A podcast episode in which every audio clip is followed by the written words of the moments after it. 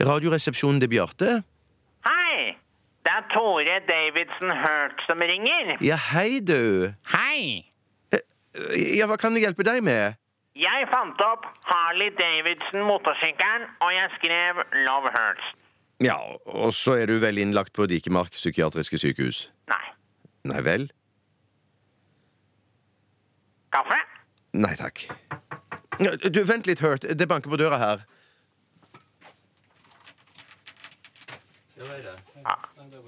Hallo? Er jeg på radioen nå? Har jeg medias makt i min hule hånd? Mitt navn er dr. George Bolele, og jeg kommer fra Nigeria.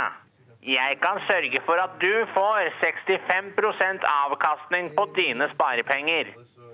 Overfør 1 million kroner til konto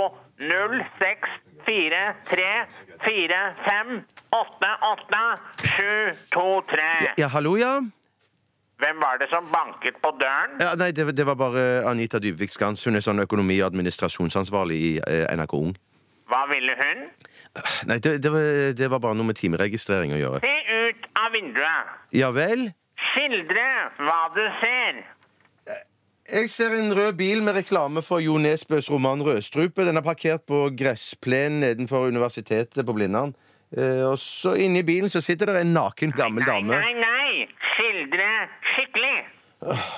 En bil rød som solen står stille på Nei, parkeringsplassen. nei, nei, nei. Au. Skildre skikkelig. OK, OK, OK. ok.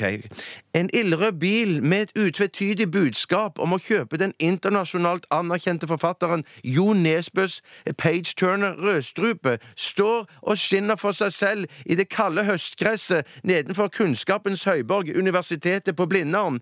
Inni bilen ser man den umiskjennelige konturen av en naken og skrukkete gammel dame. Ja, ja. Den gamle damen, det er meg.